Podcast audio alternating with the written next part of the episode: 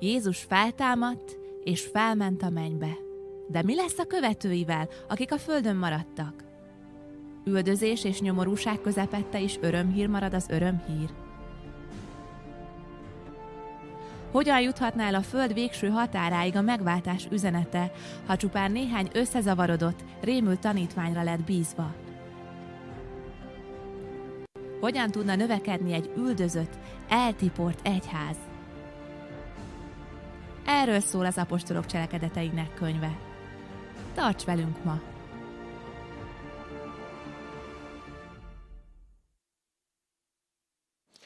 Nagyon nagy szeretettel köszöntök mindenkit. Uzonyi Barnabás vagyok a gyülekezetünk lelkipásztora.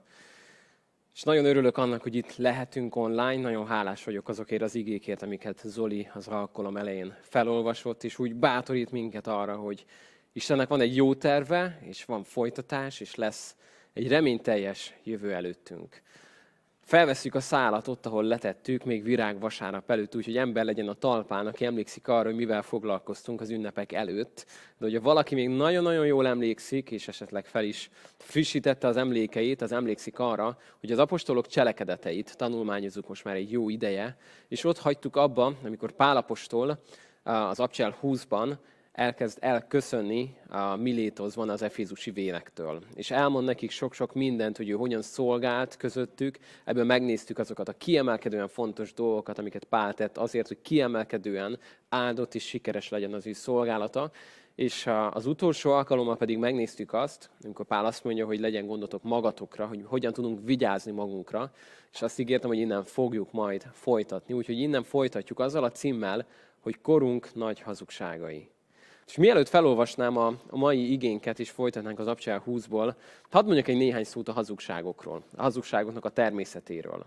Azt lehet elmondani a hazugságokról, hogyha elég sokszor hallod őket, és elég sok embertől hallod őket, akkor egy idő után kezded először elfogadni őket, mint tényt, hogy sokat hallod őket, de egy idő után kezded őket akár el is hinni hogy a nem szembesíted magad nagyon sokszor az igazsággal, ami szemben áll egy hazugsággal. Hadd hozzak erre egy nagyon egyszerű példát.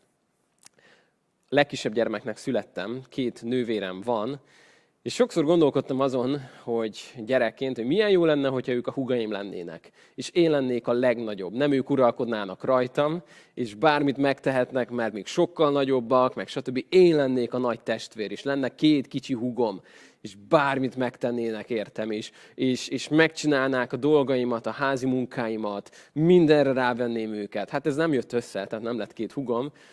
De egyszer elkezdtem ezen gondolkodni, és azt mondtam, hogy megpróbálok egy érdekes kísérletet a drága testvéreimmel, és elkezdtem őket úgy hívni, hogy hugaim. Először nyilván kinevettek, hogy miért hívom őket úgy, hogy húg. Hát ők a nővéreim, hát ennek semmi értelme.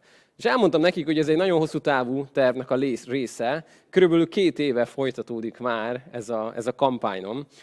És uh, most egy következetesen mindig úgy hívom őket, hogy ők az én hugaim. És egy nagyon érdekes dolog történt. Az egyikük még kőkeményen állja a sarat, és, és nem tudom átmosni az agyát, de az egyikükkel már megtörtént egyszer az, amikor egy helyen mentünk és bemutatkozott, és valaki kérdezte, hogy Barnabás huga vagy igen? És én ránéztem, hogy működött! Működött. És nézem, nem, nem, nem, jaj, bocsánat, a nővére vagyok, bocsánat, nem, nem, nem. És látom már annak a szikráját, hogy egy elültetett hazugság működni kezd az ő életében. Nyilván ennek nem lesz túl nagy következménye, és mindig ott van a kezében egy születési anyakönyvi kivonat, amivel igazolni tudja az igazságot. De azért osztottam ezt meg, mert még egy ilyen dolog, amiről nyilván tud, hogy ő mindig is a nővérem marad, és én csak viccből kezdtem ezt el neki mondani, képes egy idő után az ember agyát megzavarni, hogyha elég sokszor, elég sok embertől ezt hallod. És a korunknak a nagy hazugságai ennél sokkal komolyabbak. Nem, nem ilyen apróságokról, ilyen vicces gyerekcsinekről szólnak, hanem nagyon-nagyon súlyos hazugságok azok, amikkel mi naponként találkozunk. És mivel naponként találkozunk vele, nagyon sok forrásból egy idő után már megtörténik az, hogy nem is veszük észre, hogy ezek hazugságok. Úgyhogy ma ezeket fogjuk megnézni a Biblia alapján is, hogyha most úgy nézel minket, hogy abban reménykedsz, hogy a koronavírusról és mindenféle összeesküvés elméletekről és vakcinákról lesz, akkor csalódnod kell, mert nem ezekkel fogunk foglalkozni, sokkal mélyebb és sokkal fájdalmasabb hazugságokkal.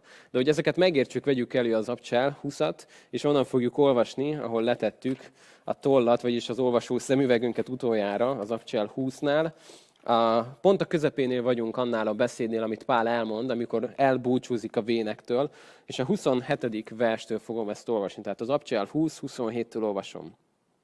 Nem vonakodtam attól, hogy az Isten teljes akaratát hirdessem nektek. Viseljetek gondot magatokra és az egész nyájra, melyben a Szentlélek felvigyázóvá tett titeket, hogy legáltessétek az Isten egyházát, melyet tulajdon vérével szerzett. Tudom, hogy távozásom után ragadozó farkasok jönnek közétek, akik nem kímélik a nyájat. Sőt, közületek is támadnak férfiak, akik fonák dolgokat beszélnek, hogy maguk után vonják a tanítványokat. Azért vigyázzatok! Emlékezzetek arra, hogy én három évig nem szüntem meg éjjel és nappal könnyek között inteni mindenkit. Most pedig testvéreim az Istennek és kegyelme igényének ajánlak titeket, aki gyarapítat és örökséget adhat nektek minden megszentelt között. Senkinek az ezüstjét, aranyát, ruháját nem kívántam. Sőt, magatok tudjátok, hogy amire szükségem volt nekem és a velem levőknek, arról ezek a kezek gondoskodtak. Minden tekintetben megmutattam nektek, hogy így módon fáradozva kell az erőtlenekről gondot viselni, és megemlékezni az Úr Jézus szaváról, mert ő azt mondta, jobb adni, mint kapni. Imádkozunk. Atyám, köszönjük a Te igédet is. Köszönjük, Atyám, az, hogy minden hazugságra, amit ma látunk, és amivel ma szembesülünk, a Te igéd a megoldás.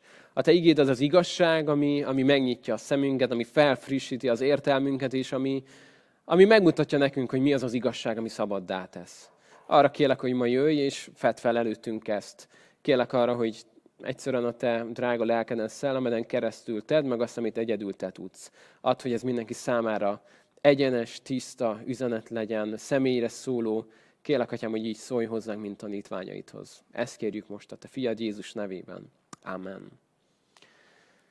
Azt mondja Pál ennek a gyülekezetnek, először is onnan vettük fel a fonalat, hogy nem vonakodtam attól, hogy az Isten teljes üzenetét hirdessem nektek. Hát, hogy mire gondol Pál, ahhoz hoztam most ezt a kis egyszerű uh, szemléletet és néhány eszköz hoztam el a konyhából. Uh, minden itt van, ami kell egy jó palacsintához. Tehát itt van a olaj, liszt, tojás, tej, cukor, víz, stb. Még talán egy-két apróság is. Ezek mind kellenek ahhoz, hogy egy jó, jóféle palacsinta elkészüljön. Mindegyik kell ehhez. Tehát, hogyha mondjuk kiveszem a lisztet, akkor liszt nélkül nem igazán fog jól sikerülni a többi összetevővel ez a palacsinta. És ezek között mindenkinek van kedvence, nem? Tehát, hogy azt mondanám, hogy melyiket választanád az alapvető élelmiszerek közül, vagy ezek, a, ezek közül melyik lenne a kedvenced, akkor mindenki választhatna. Mondjuk, ha most itt lennétek, és távol lenne a terem, megkérdezném, hogy kinek kedvence a tojás, nyújtsa fel a kezét, kinek kedvence a cukor, kinek kedvence a liszt, talán az kevés ember lenne, tej, ez egy elég jó dolog, olaj, ki szeretne egy kis olajat inni, tehát hogy megnézzünk külön-külön az alapelemeket, nekem ez lenne a kedvencem, ez most nem a reklám helye, de nekem a Nutella a kedvencem egy jó palacsintából, és ezt választanám. Tehát nekem ez lenne ezek közül a legfontosabb, a Nutella. Um, egyik barátom mondta is nekem, hogy nem lehetsz Nutella, hogy mindenki szeresse, mert a Nutella az olyan, amit nem tudom, hogy, nem le, hogy lehet-e nem szeretni, de ezek mind kellenek. És amikor Pál azt mondja a gyülekezetnek, hogy az Isten teljes üzenetét mondtam el nektek három éven keresztül, az nekem ezt jelenti. Hogy fogta Pál, és részről részre, a Biblia elejétől, az Új Szövetségtől, az Új Szövetségig, minden, amiről tudni kellett, a legnagyobb alapigazságok Isten igazságáról, Isten kegyelméről, Isten szeretetéről, Isten ítéletéről, minden benne volt. Minden. És én ezért nagyon örülök annak, hogy a gyülekezetünkben részről részre tanulmányozzuk a Bibliát. Mert minden, minden tanítónak, minden keresztény embernek vannak kedvenc részei a Bibliából, nem? Kedvenc üzenetei. Amiről mindig olyan jó lenne beszélni, és erről kellene mindig beszélni. De amikor részről részre olvassuk a Bibliát, akkor, akkor nagyon sokszor olyan részek jönnek elő a Bibliából, hogy az ember vakarja a fejét, hogy Akarok én erről beszélni vasárnap? Ez egy, ez egy nehéz rész. Ez, ez, ez egy elég kínos. Hogy, hogy, hogy kell ezt jól érteni? Ezt magamtól nem venném elő. Ezért nagyon örülök, hogy csütörtökön te ismerd meg a Bibliáddal foglalkozunk. Mózes első könyvétől jelenések könyvéig nézzük a bibliai könyveket. És ott is lenne kedvencem, ki tudnám válaszolni a Nutellát, de előveszünk azokat a könyveket is egymás után, amiket nem vennénk elő, mondjuk Jeremiás siralmai, már csak a címe miatt sem a legvonzóbb könyv a Bibliából, nem? Nagyon ritkán érzi azt az ember, hogy de jó lenne egy kis Jeremiás siralmait olvasni most, de az Isten üzenetében benne van. És azt mondja Pál, hogy amikor én ott voltam közöttetek, akkor ezt csináltam. A teljes üzenetet elmondtam, amiben minden benne van. És szeretném erre ma neked felhívni a figyelmedet, hogy a Biblia az Istennek a beszéde. A legelejétől a legvégéig. És azt mondja Pál egy nagyon könnyű megjegyezhető igehelyen, a 3.16-ot jól megjegyeztük a János 3.16-ból, most a 2 Timótus 3.16-ot is mellé rakhatjuk, mikor azt mondja, hogy a teljes írás Istentől ihletett. És hasznos a tanításra, a feddésre, a megjobbításra, az igazságban való nevelése. A teljes írás, mondja Pál, a legelejétől a legvégéig. Az Istennek a beszéd, az Istennek a szava, ami erő, ami hatalom, és annak minden része élet. És hogyha valamit kiveszek belőle, akkor, akkor az már nem az lesz, ami. Tehát ugye fognám a palacsintából, és azt mondanám, hogy a Nutella az mennyire fontos, meg még a cukor is elmegy, de ez, a, ez az olaj, ez olyan, haszna, ez olyan fölösleges. Minek olaj a palacsintába? Amúgy sem megkóstolom, nem jó íze van, fúj! Próbálj meg nagyon jó palacsintát csinálni olaj nélkül, vagy valami zsír nélkül, oda fog égni az összes. Próbálj meg, meg mondjuk tojás nélkül csinálni egy jó palacsintát, mert, mert az is. Minek a tojás? Azért, mert kell, mert így áll össze. És hogyha Istennek a teljes igéjét akarod megismerni, akkor olvasd a teljes Bibliádat. Öled magadhoz, és szív magadban annak a teljes üzenetét. És igen, lesznek részei, amik nagyon-nagyon magasra emelik és kidomborítják Istennek a kegyelmét, és ezt nagyon látnod kell. És lesznek részei, amik nagyon magasra emelik és kidomborítják Istennek az igazságosságát. És lesznek részek, amik magasra emelik és kidomborítják Istennek a szentségét. És akkor melyiket választ? Mindegyiket. Mert mind kell ahhoz, hogy összeálljon a teljes írás. Hogyha csak Isten kegyelmét látod, de nem látod az ő szentségét, nem látod az ő igazságosságát, akkor csak egy kicsi szeletet látsz a történetből. Ha csak Isten szentségét látod, de nem látod mellette a kegyelmét, akkor félni fogsz tőle, és a közelében nem akarsz majd menni egy ilyen szent Istennek. Mindegyik részére ugyanolyan szükséged van, mert a teljes írás az Istentől ihletett. És azt mondja Pál ennek a gyülekezetnek, hogy mikor ott voltam közöttetek, akkor nem vonakodtam attól, hogy az Isten teljes üzenetét mondjam el nektek. A legelejétől a legvégéig. Mindent. Úgy, ahogy az már van írva, úgy, ahogy ez megtörtént, úgy, ahogy azt látnotok kell. És a, az egészséges hívő életednek ez az egyik alap pillére, hogy nem kedvenc részem van az Istenből, hanem az Isten a kedvencem. Nem valamelyik vonása az Istennek az én kedvencem, hanem az Istennek a teljes karaktere, a teljes attribútuma, úgy, ahogy ő van, a lénye, a valója, az, amit elfogadok és szeretek. És azt mondja Pál, hogy ő most el fog menni, és ezt tudja is, hogy nem is fog többet találkozni ezzel a gyülekezettel, sem a vezetőivel, és azt kéri tőlük, ugye, amire még emlékszünk is, hogy viseljetek gondot magatokról, hogy, hogy először ott legyen gondotok magatokra, de azt mondja, utána legeltessétek ezt az egész nyájat. És egy nagyon érdekes dolog, ahogyan Pál előhozza nekik azt, hogy Isten tett titeket ennek az őrzőjévé. Rátok bízta ezt. És ezt a nyájat, ezt a gyülekezetet a tulajdon vérével váltotta meg. Itt megint egy olyan igevers, hogyha valaki tagadni szeretné azt, hogy Jézus Isten, akkor itt, itt megint a kardjába kell dőlnie, mert azt mondja, hogy Isten a tulajdon vérével váltotta meg az egyházat. Na most, hogyha Jézus vére folyt ki a kereszten, és Jézus nem lenne Isten, és nem lennének ők egyek, akkor hogyan tudja Isten a tulajdon vérével megváltani az egyházat? Csak úgy, hogy a Jézus az, akinek mondta magát. Na de ide visszatérve, arról beszél itt ugye Pál, hogy a pásztorlás feladatát úgy előhozza még egyszer, és aláhúzza a gyülekezet vezetőinek.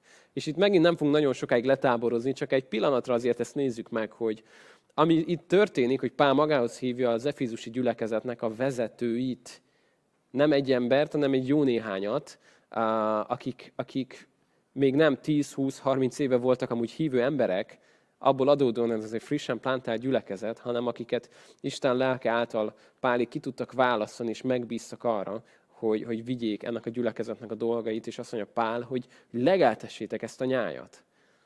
És miért mondom ezt? Mert ma nagyon megszokott vagy divatos talán már az sok, sok országban, Európában, Amerikában, hogy van egy gyülekezet, annak van egy darab lelkipásztora, aki végzi a pásztorlás szolgálatát, mert hát ezért hívják pásztornak, nem? És akkor ez így kell történjen. A Bibliától ez elég messze áll. A Biblia beszél a pásztorlásnak az ajándékáról, beszél pásztorokról, de nem azt a modellt látjuk, hogy egy darab ember, aki mindent elvégez egy maga, és mindenki más ezt csak nézi, és esetleg, ha elég nagy a gyülekezet, akkor legyen kettő belőle, vagy három pásztor. Hanem azt látjuk, hogy a pásztorlásnak az ajándéka, az ott van a gyülekezetben is ahogyan nagyon sokszor azt látjuk, hogy egymást bátorítsátok, egymást buzdítsátok, egymást incsétek, egymásról viseljetek gondot. És igen, megvan a szerepe és a külön elhívás annak, hogy valakit Isten arra hív, hogy lelkész legyen. Nem ez ellen beszélek, hanem arról beszélek, hogy talán ideje van annak, hogy úgy énekeljük, hogy pásztorok keljünk fel, hogy a gyülekezet felébredjen ma az egy, Istennek az egyháza, hogy a pásztorlást azt közösen végezzük nagyon sok területen. Nem minden területen, de nagyon sok területen.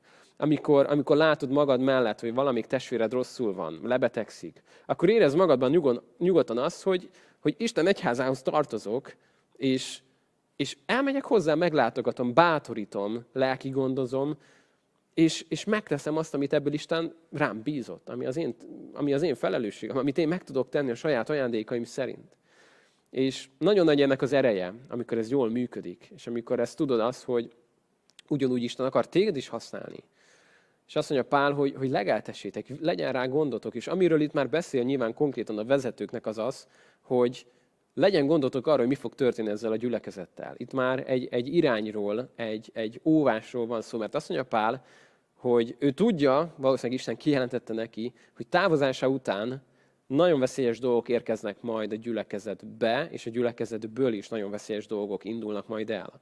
És azt mondja, még közületek is némelyek fonák dolgokat fognak majd beszélni.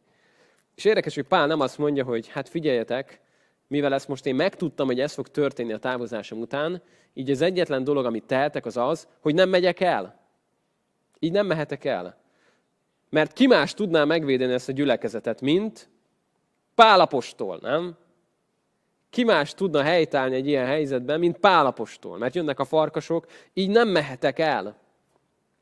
Pál azt mondja, nem, én tudom, hogy ez fog történni, és én most elmegyek.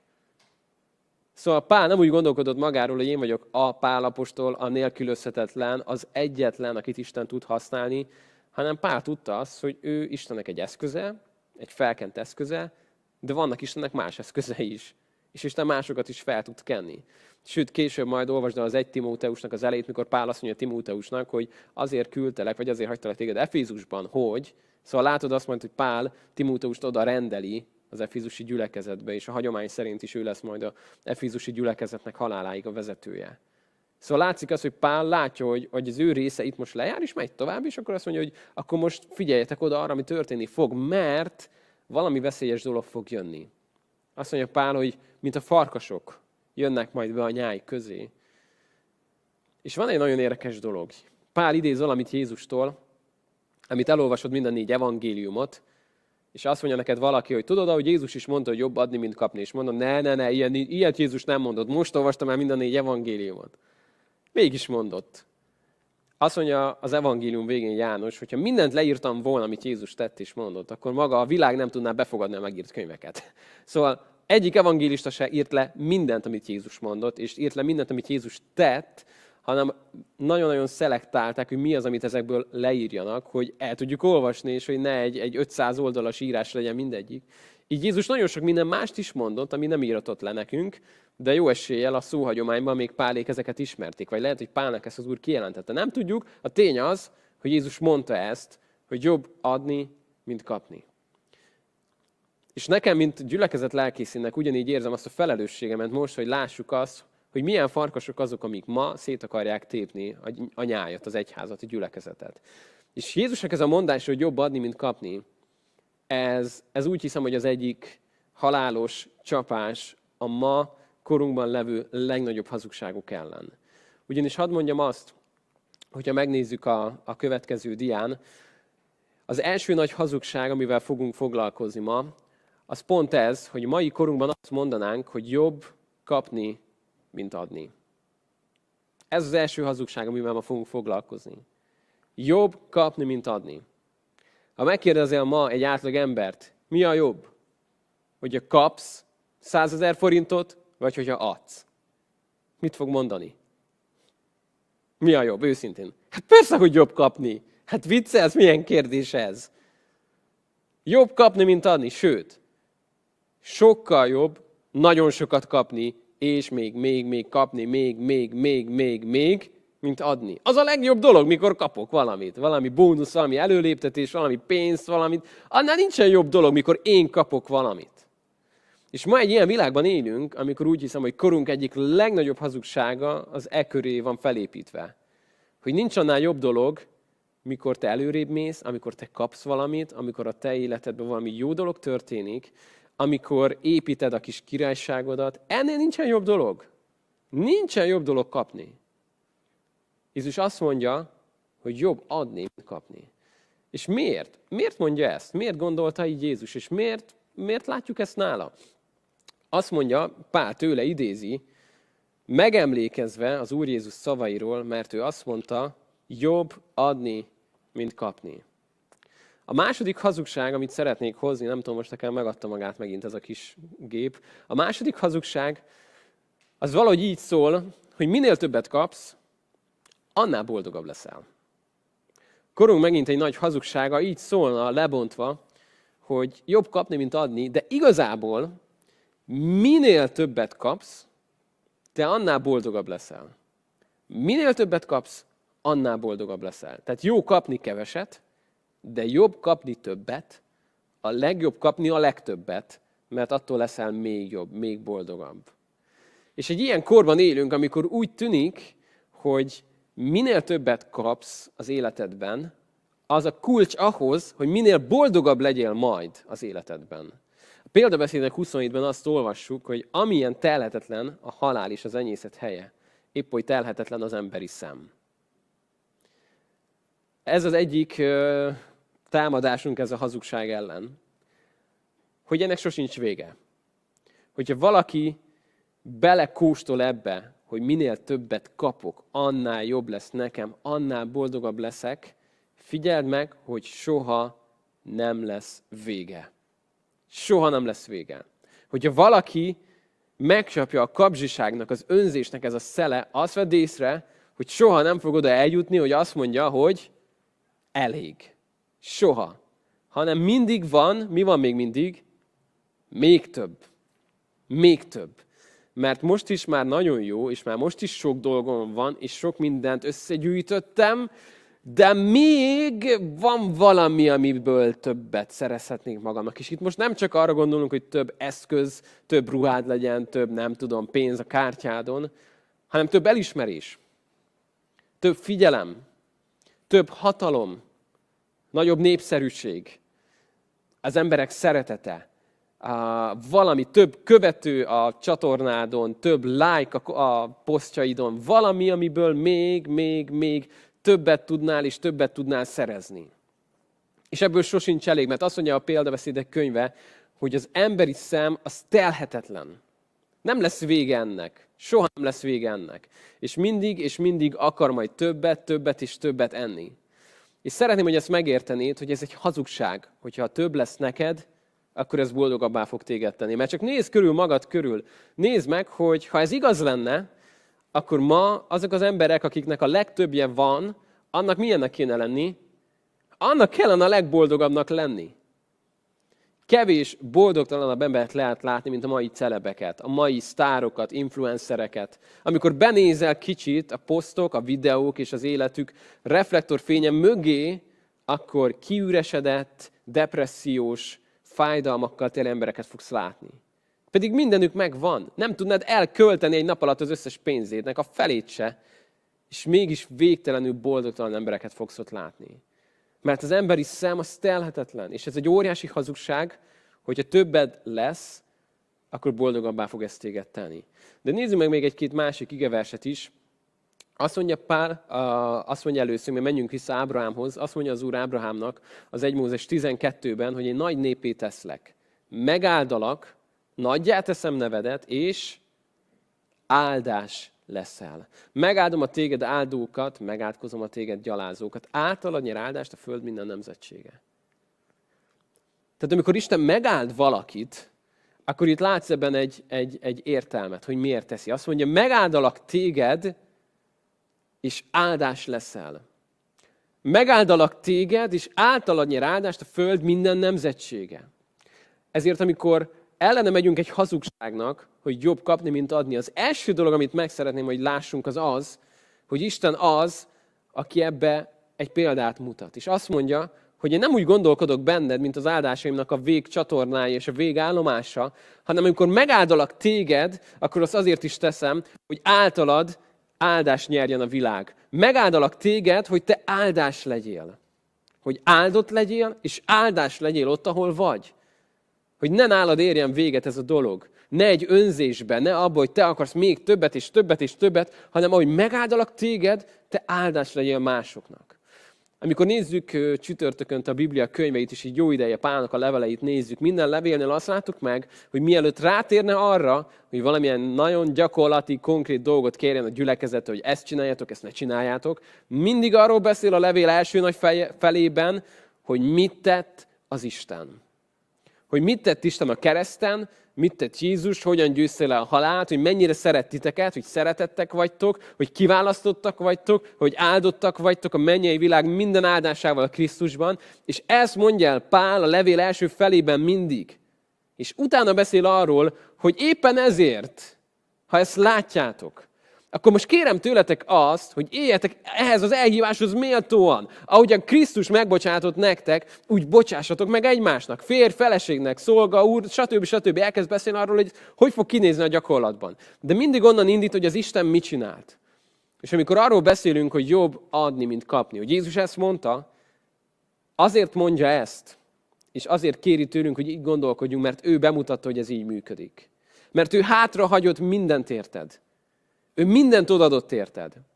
Hogyha Isten úgy gondolkodna, hogy jobb kapni, mint adni, akkor nem lenne kereszt, nem lenne Betlehem, nem lenne üres sír. Mert miért adja oda az Isten mindenét az emberért? Ha jobb kapni, mint adni. Akkor neki is jobb kapni, mint adni. Minek adja oda az életét az emberért? De ő volt az első, aki bemutatta azt, hogy ő a legnagyobb adakozó a világon.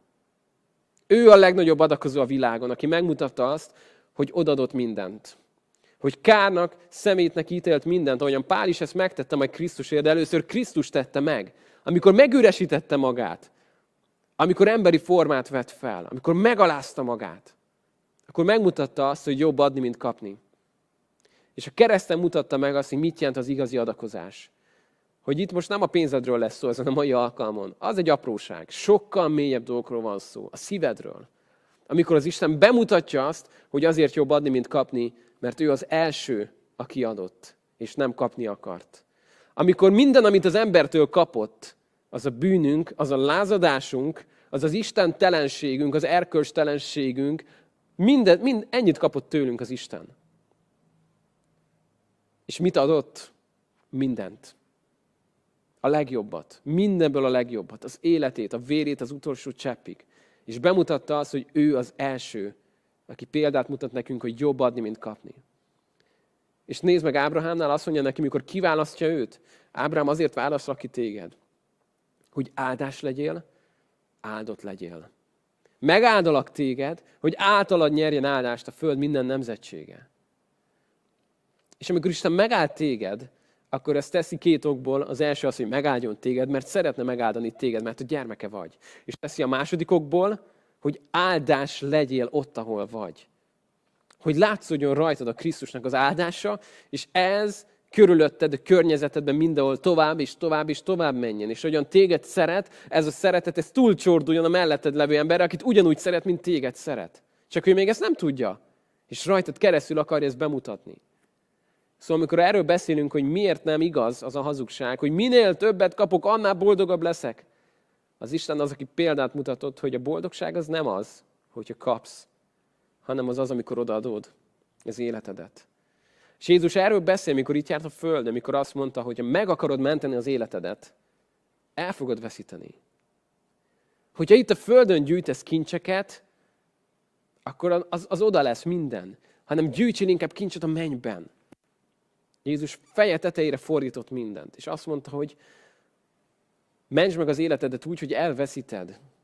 Találd meg úgy a boldogságodat, hogy már nem az a célod, hanem elkezded az életedet beletenni abba, hogy áldás legyél, hogy szolgálj másokat. Mert Jézus ezt mondta, hogy az ember fia nem azért jött, hogy neki szolgáljanak, hogy ő kapjon és kapjon és kapjon, hanem hogy ő adjon és adjon és adjon, és életét adja sokakért váltságul.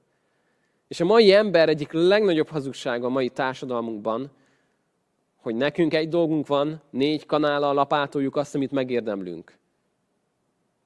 És valamilyen lehetőségről hallasz, jönnek a kérések, és ez mit ad nekem? Ez miért jó nekem? Mit nyerek ezzel?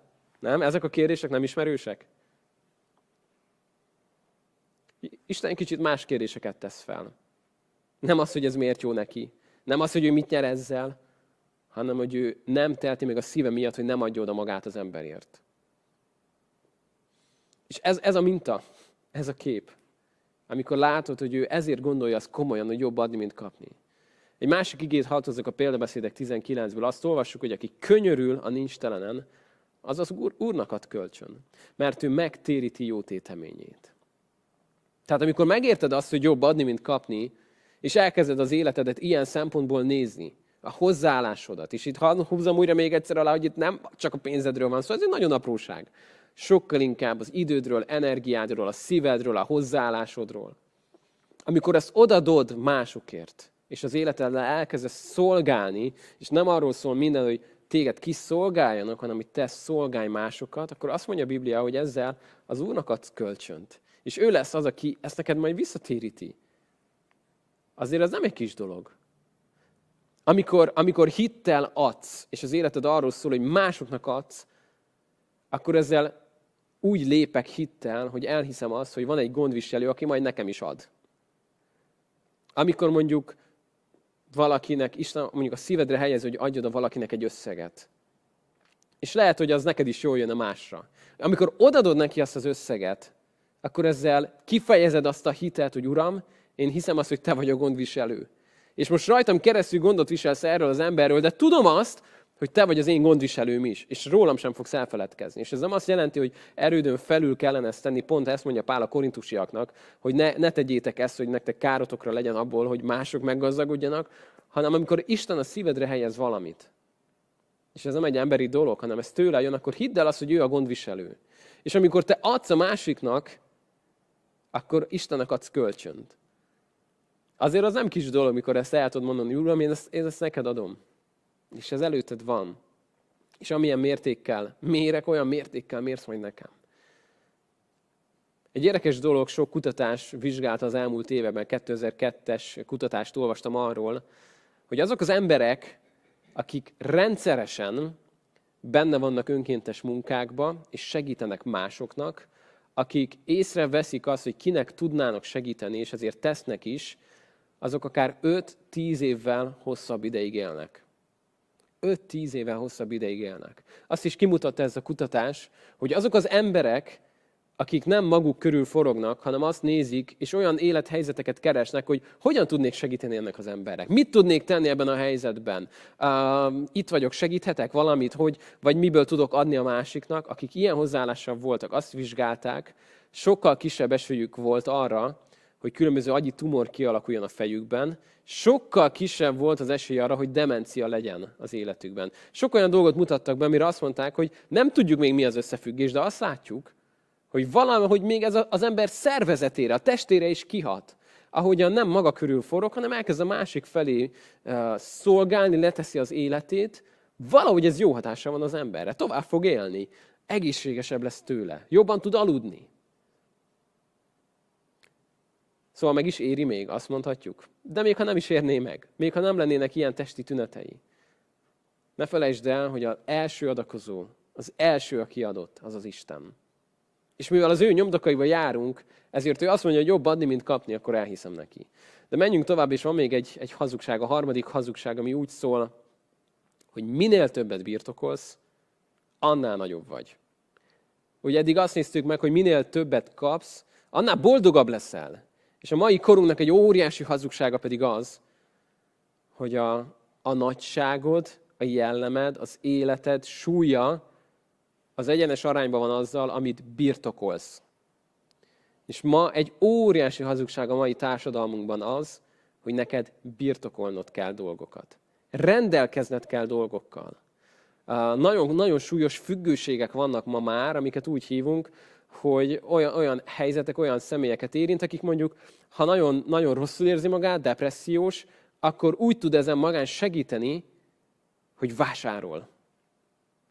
És amíg vásárol, amíg átmegy a pénz, amíg kifizeti a kasszán, addig borzasztóan fel van dobva, mert nagyon jó, hogy ezt megvehetem, hogy ezt megengedhetem magamnak is. Milyen jó, hogy most el is feledkeztem minden bajomról, mert végre megvettem ezt a táskát, vagy épp ezt a laptopot, vagy ezt a telefont, és milyen jó, milyen jó, és utána mélyebbre kerül vissza.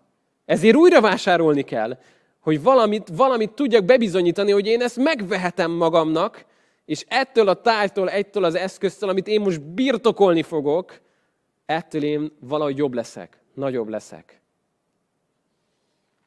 Óriási hazugság. Elképesztő nagy hazugság, amit elég sokszor mondanak nekünk, elég sokan, ahhoz, hogy elhihessük, hogy az vagy, amit birtokolsz. Az vagy, ahogyan kinézel. A ruháid vagy. A, az autód vagy.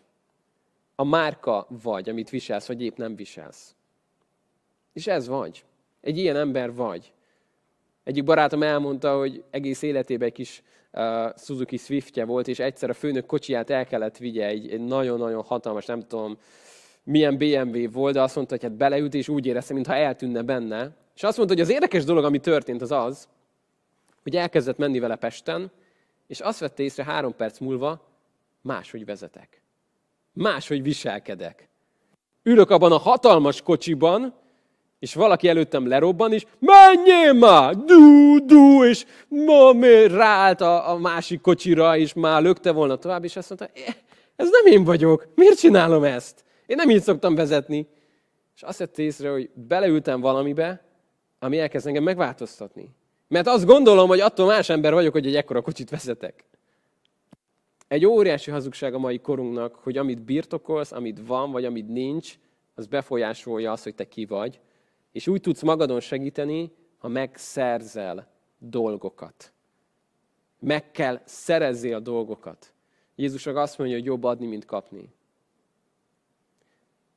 Szóba jött már ma a gazdag ifjú, Márk 10.21-ben azt olvassuk. Jézus azt mondja neki, menj, add el, amit van, oszd szét a szegények között, akkor kincsed lesz a mennyben.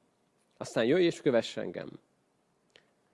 Szóval oda megy a gazdag ifjú Jézushoz, hogy ő szeretne több lenni. Sok minden már helyén van az életében, úgy érzi, de akar még előrébb jutni. Mit kell ehhez még tennie pluszban? Mit esetleg valamit kell ehhez még birtokolnia? Valamit még kapnia kell, hogy több legyen? Jézus azt mondja neki, ahhoz, hogy több legyél, kevesebb kell, hogy legyen neked.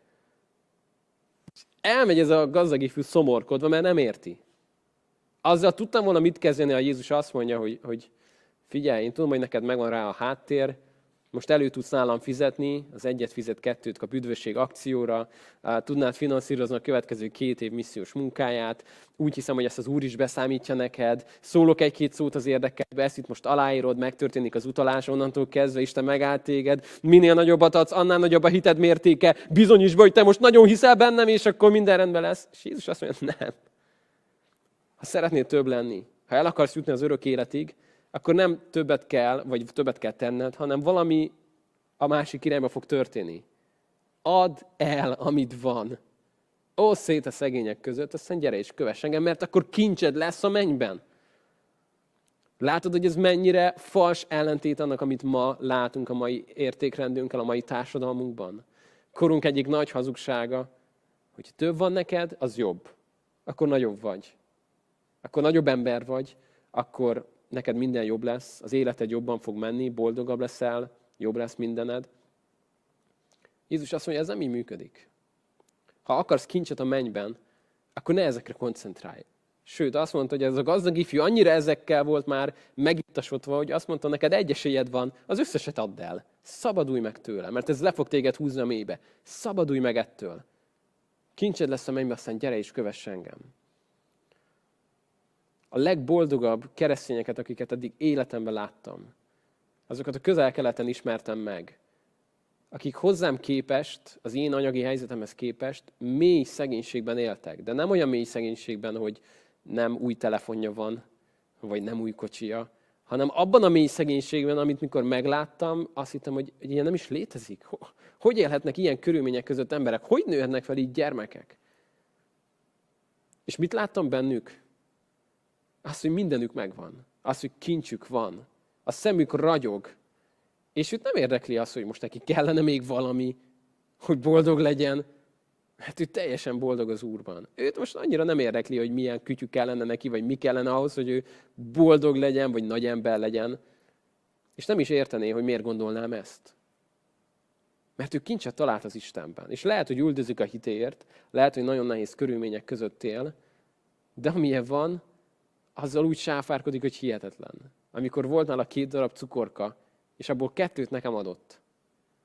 És nem akartam elfogadni, mert nem akartam neki mondani, hogy van a táskámban három csomag, most minek vegyem el a te két kis cukorkádat, de olyan szeretettel adta, olyan adni akarással adta, hogy, hogy nem tudtam nem elfogadni tőle.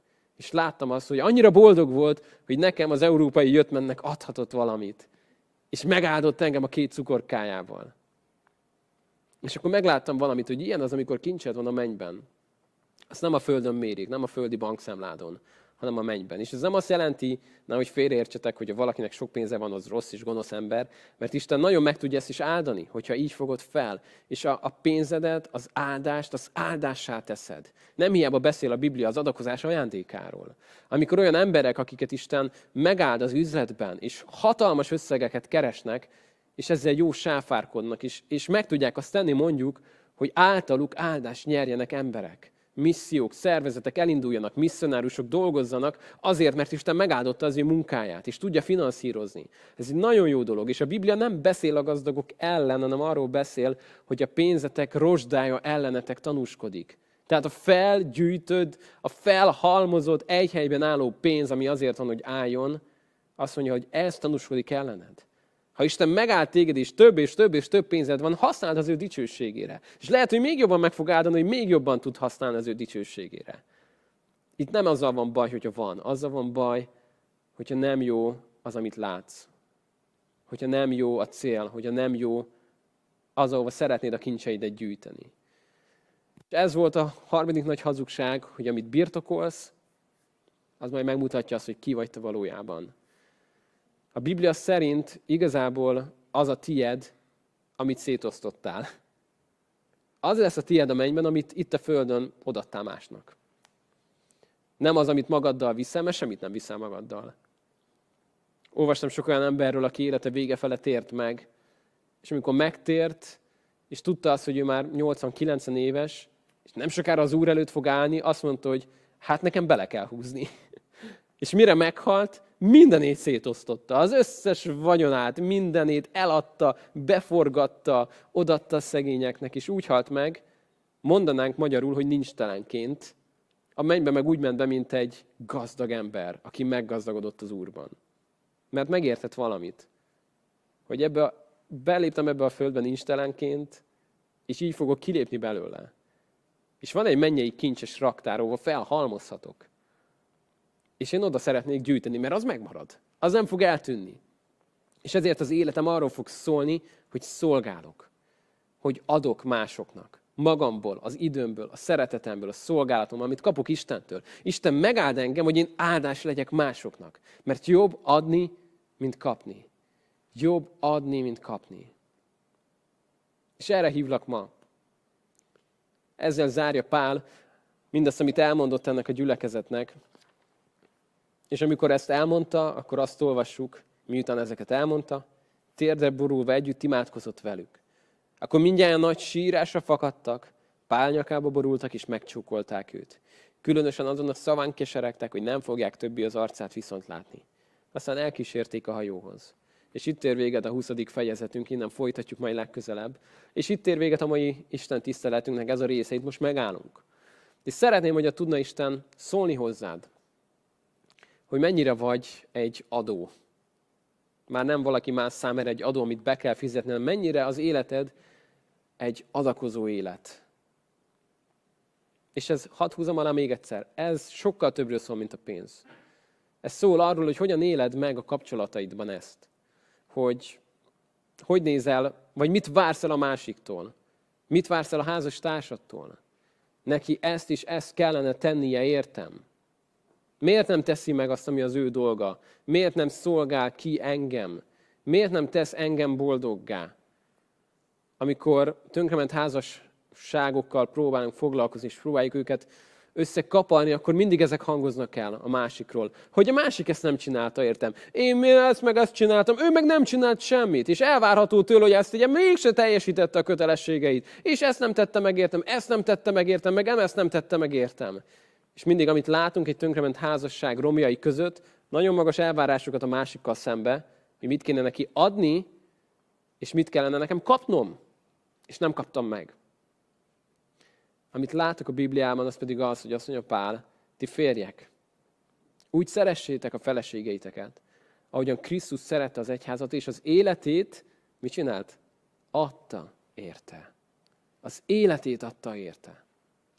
És amikor elkezded így élni a kapcsolataidat, nem csak a házasságodat, a barátságaidat, a gyermeknevelésedet, hogy hogyan tudok én adni a másiknak. Nem elvárni tőle, hogy mit lenne neki illő, illendő tenni értem, hanem adok a másiknak, adok és adok, és nem várom el tőle a viszonzást, akkor ezzel egyszer kincseket gyűjtesz a mennybe, másodszor lesz egy boldog házasságod, ezt megígérhetem neked, mert az Isten alapelvei működnek.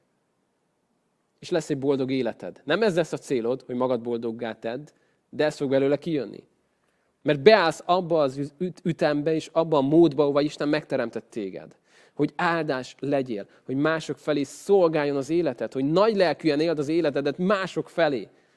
És az élet nem magadról fog szólni, hanem arról, hogy az Isten dicsőségére élj, és azt fogod észrevenni, hogy sokkal boldogabb leszel, mint valaha az életben lehetnél, ha magadat keresnéd. És megtalálod magadat úgy, ahogy soha nem találtad volna meg az életben. Egyik szolgáló, mikor a nyugdíj után kérdezték tőle, nagyon nagy eredményeket ért el a keresztény életben, mondjuk így idézőjelben, nagyon-nagyon sokan megtértek rajta keresztül, sok gyülekezetet plántált, nagy ébredések voltak, és, és olyan igazi, örömteli módon fejezte be, nem megkeseredve a szolgálatát. És kérdezte tőle, mi volt, a, mi volt az egyik kulcs, amit mondana, és ő azt mondta, hogy tudják testvérek, én sose vártam el az, hogy bárki megköszönje, hogy bárki mondjon, hogy bárki nekem ezért akármit tegyen. Amikor valaki tette, az jól esett, de sose vártam el. És így nem keseredtem meg, hogy meg se köszönték, nem is kérték, nem is izé, hanem tettem, amit az Úr kért tőlem, szolgáltam, szolgáltam és szolgáltam, az Úrnak tettem. Ha jött egy jó dolog, örültem neki, és hálás voltam, de, de nem vártam el, hogy mit kapjak ezért viszonzásul. És hadd mondjam neked azt, hogy ha ezt az Úrnak teszed, akkor hidd el, hogy elsősorban a legfontosabb jutalom és a viszonzás az tőle jön majd. Amikor megállsz előtte, és azt mondja, hogy jó van, jó és hű gyere, nézem, mit készítettem neked. Annyira vártam már, hogy ide gyere. És tudod, én mindig láttalak téged, és amikor te tettél valamit, én, a te atyád titkon figyeltem, hogy mit csinálsz. És itt van most a fizetséged, amivel készültem neked. A jutalmad. Gyere és vedd át a koronádat, és gyere, erre vártál. És itt az örök kévalóság, hogy ezt átbeszéljük, és, és, és örüljünk ennek. És ez az, ami vár ránk. Erre szeretnélek ma hívni. Hogy gyere ma az Istenhez, és döntsd el azt, hogy szembe mész azokkal a hazugságokkal, amiket ma le akarnak nyomni a torkodon. Hogy mindennél jobb, hogy a kapsz. Mindennél jobb, hogy a többet kapsz és a legtöbbet, és minél többet birtokolj. És ez az élet cél, hogy halmoz, halmoz, halmoz hírnevet, mindenféle dolgot, amit csak tudsz magadnak, népszerűséget, tárgyakat, és boldog lesz az életed. És nincs ennek egy, egy viszlátot, és mondd azt, hogy nem, én elhiszem azt, amit Jézus mond, hogy jobb adni, mint kapni. És az életemet arra építem, hogy amit tett, az én megváltom, ahogyan lejelte az életét, ahogyan mindent adott, én akarom az ő nyomdokait követni. Akarom azt tenni, amit ő kért. És ebben ő megállt téged, mert ő az első, aki ezt megtette, aki érted is adta az életét. Ezért ő ad neked erőt ahhoz, hogy ezt tud megcsinálni, hogy így éld az életedet. És amikor ezt teszed, és teszed, és elkezd az életed áldás lenni mások felé, azt fogod észrevenni, hogy Isten elkezd megáldani, megáldani, és megáldani téged még jobban, mert azt látja, hogy bővül az a csatorna, ahogyan szolgálsz mások felé, azt mondja, hát akkor itt növeljük azt a víznyomást, és még jobban, még jobban, tekeri, tekeri fel, és a végén egy ilyen kis cső helyett egy hatalmas nagy csatorna lesz az életed, amin csak úgy ömlik az Isten áldása, mert nem áll meg benned, mert nincsen ledugózva a vége, hanem azt mondod, hogy áldás akarok lenni másoknak. Hívlak arra, hogy ezt most döntsd el. Mondd el az Úrnak. Imádkozni fogunk is. Arra kérlek, hogy amiben megérintett téged, az hoz most elé. És mondd el neki azt, ami a szíveden van, ő az, aki az ő lelkén keresztül ezt tudja mélyebbre vinni, és tud veled beszélni arról, hogy mi a következő lépés. Atyám, én hálát adok azért, hogy nálad van erre lehetőség, hogy megszólítunk téged, és kérhetjük azt, hogy amit te tettél, ahogyan szolgáltál, ahogyan, ahogyan az életedet adtad, szeretnénk mi is ezt tenni. Szeretnénk elengedni a saját egónkat, a saját önzésünket, kapzsiságunkat is, élni az életet másokért, élni az életet érted. És szeretnénk, Uram, úgy áldottak lenni, hogy áldássá legyünk a környezetünknek, áldássá legyünk, Uram, azoknak, akik ismernek minket is. Rajtunk keresztül a föld minden népe áldást nyerjen és megismerjen téged. Nem szeretnénk, Uram, kevesebbet beérni. Kérlek, Atyám, hogy végezz ezt a munkát bennünk is. És Uram, ellene megyünk a hazugságunknak, és elhiszik, hogy a Te igazságod, az megszabadít minket. Uram, szeretnénk mindent hátrahagyni. Szeretnénk azt, hogy a kincsünk az a mennybe lenne. És köszönöm, Atyám, hogy Te minden mást, amire csak szükségünk van, azt mindig kirendeled. Köszönöm, hogy Te megáldasz minket, hogy amit adsz, azt tudjunk azzal bölcsen sáfárkodni a Te dicsőségedre, de szeretnénk, hogy a Te lennél mindig az első. Te lennél ott, akiért ezt tesszük, és köszönöm, Atyám, hogy az életünk végén veled találkozhatunk is Te, megfizetsz azoknak, akik téged keresnek, és mindvégig hűségesek. Köszönöm ezt neked Jézus nevében. Amen.